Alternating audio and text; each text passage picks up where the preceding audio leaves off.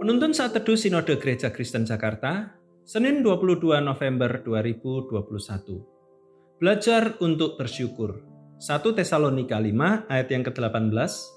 Mengucap syukurlah dalam segala hal, sebab itulah yang dikehendaki Allah di dalam Kristus Yesus bagi kamu. Ucapan syukur adalah salah satu kekuatan terbesar dalam hidup orang percaya. Tapi dalam praktiknya banyak orang Kristen sulit mengucap syukur. Mereka berdalih, bagaimana bisa bersyukur kalau rumah tanggaku sedang bermasalah, tokoku sepi, bisnisku sedang pailit, hutangku banyak, sakitku yang belum sembuh, dan segudang persoalan yang lain. Seseorang akan dapat bersyukur ketika mengalami mujizat, berkat, dan pertolongan dari Tuhan. Namun, bila saya tidak melihat mujizat, berkat dan pertolongan Tuhan, bagaimana mungkin bisa bersyukur? Sebagai seorang Kristen, memiliki rasa syukur tidaklah bergantung pada keadaan.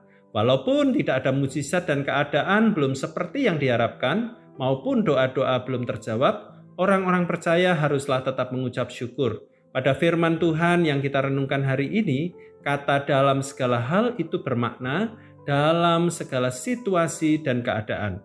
Baik atau tidak baik, dalam kelimpahan atau kekurangan, ada masalah atau semua berjalan dengan lancar, kita harus bisa mengucap syukur. Mengapa? Karena inilah yang dikehendaki Tuhan bagi kita anak-anaknya.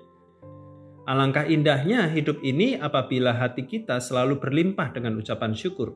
Mengucap syukur kepada Tuhan menyadarkan kita tentang siapa Tuhan itu bagi umatnya. Dialah sang pemilik dan pemelihara. Jika hati dan pikiran kita hanya fokus pada persoalan, maka hal itu akan membawa kita kepada keputusasaan dan kekecewaan. Namun, sebaliknya, bila kita mengarahkan pandangan kepada Tuhan, iman dan pengharapan, kita semakin bertumbuh di hadapannya.